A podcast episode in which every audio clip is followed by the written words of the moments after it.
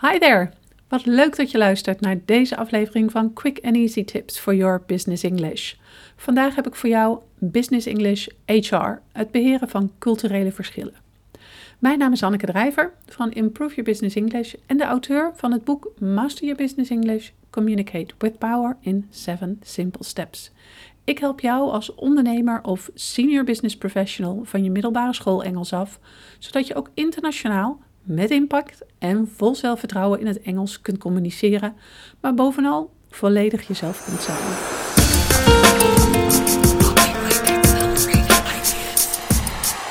De human resources sector kent vele uitdagingen, met name in een globale context.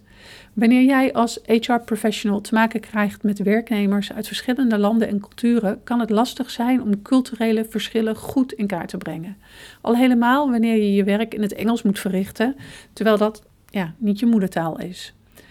Uh, daarom ga ik je in deze podcast meer vertellen over hoe jij als HR-professional goed kunt functioneren in een mondiale context. Ik bespreek relevante uitdagingen en geef je belangrijke Engelse terminologie en voorbeeldzinnen die je niet kunt missen in de internationale HR-sector. Met als belangrijkste onderwerp van vandaag het beheren van culturele verschillen.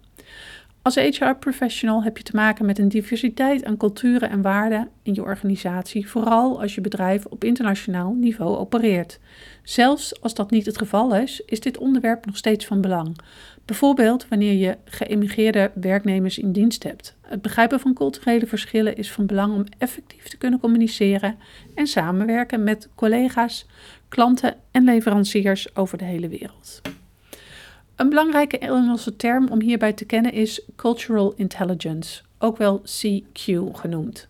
Dit verwijst naar het vermogen om effectief te communiceren en samen te werken met mensen van verschillende culturele achtergronden. Een andere belangrijke term is diversity and inclusion, of D&I genoemd. Dit verwijst naar het creëren van een inclusieve werkomgeving waarin iedereen, ongeacht hun achtergrond, zich welkom en gewaardeerd voelt. Eerste belangrijke uitdaging voor HR-professionals eh, die ik je mee wil geven, is dan ook het op de hoogte zijn van de culturen van je werknemers, collega's en zakenpartners. En natuurlijk de daarbij horende kunst om je kennis toe te passen in de praktijk. Nou, ik zal nu een aantal culturele verschillen opnoemen waar jij als HR-professional echt van op de hoogte moet zijn. Deze hebben te maken met taal, gebruiken en gewoonten. Als HR-professional ben je er bewust van dat deze verschillen bestaan en kun je ze, wanneer nodig, toepassen in de praktijk. Ik geef je ook een aantal Engelse kernwoorden die je hierbij kunnen helpen.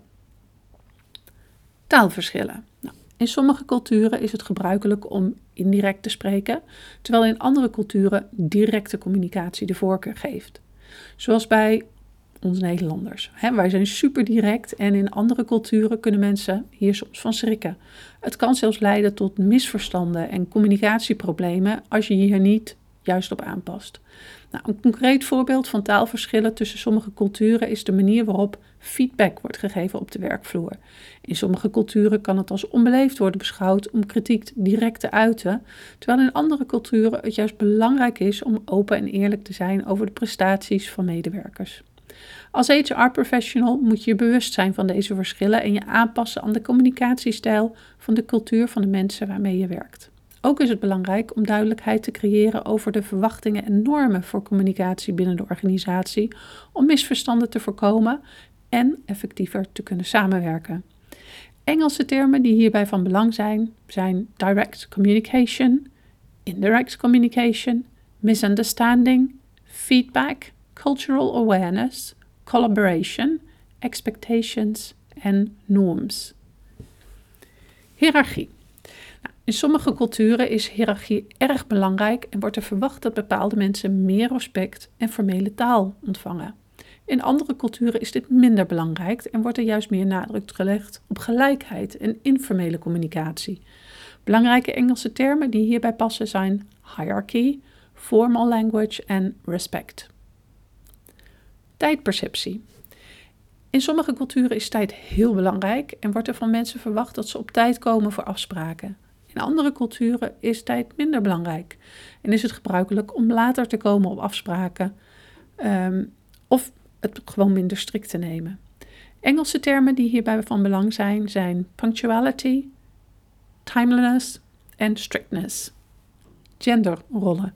Deze kunnen enorm verschillen tussen culturen, waardoor jij als HR-professional moet nadenken over zaken als verlof voor zwangerschap en ouderschap en gelijke kansen op de werkvloer.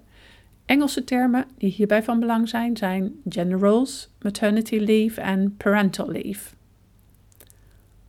Religie. Religie kan ook van invloed zijn op de werkcultuur, hè, met verschillen in praktijken en overtuigingen die van invloed kunnen zijn op zaken als kledingvoorschriften en voedingsvoorschriften. Belangrijke Engelse termen die hierbij passen zijn religious practices, beliefs en dresscode. Een tweede belangrijke uitdaging bij het beheren van culturele verschillen is het omgaan met taalbarrières. Ondanks dat Engels een van de meest voorkomende talen in de zakelijke wereld is, spreekt lang niet iedereen het met gemak. Daarom is het belangrijk om rekening te houden met de taalvaardigheid van collega's en om duidelijk en beknopt te communiceren wanneer iemands Engelse taalvaardigheid niet zo hoog ligt. Een aantal praktische tips om dit te kunnen doen zijn de volgende. Pas zo min mogelijk Engelse spreekwoorden en gezegden toe. Probeer een zo algemeen mogelijke woordenschat te gebruiken. Vermijd vakjargon. Praat langzamer en articuleer je woorden duidelijker. Vraag of iemand het begrijpt, bijvoorbeeld door te zeggen: um, Do you understand what I just explained to you? Of Would you like me to rephrase what I just said? Wanneer iemands Engelse taalvaardigheid juist wel hoog ligt, kun je wel gebruik maken van Engelse spreekwoorden en gezegden en specifieke taalgebruik zoals vakjargon. Het is hierbij dus belangrijk dat je een goede inschatting maakt van het gemak waarmee je werknemers of collega's Engels spreken en daar je eigen taalgebruik op aanpast. Met de tips en Engelse terminologie die ik je in deze podcast heb gegeven, kun jij als HR-professional aan de slag met het beheren van culturele verschillen binnen je organisatie. Veel succes!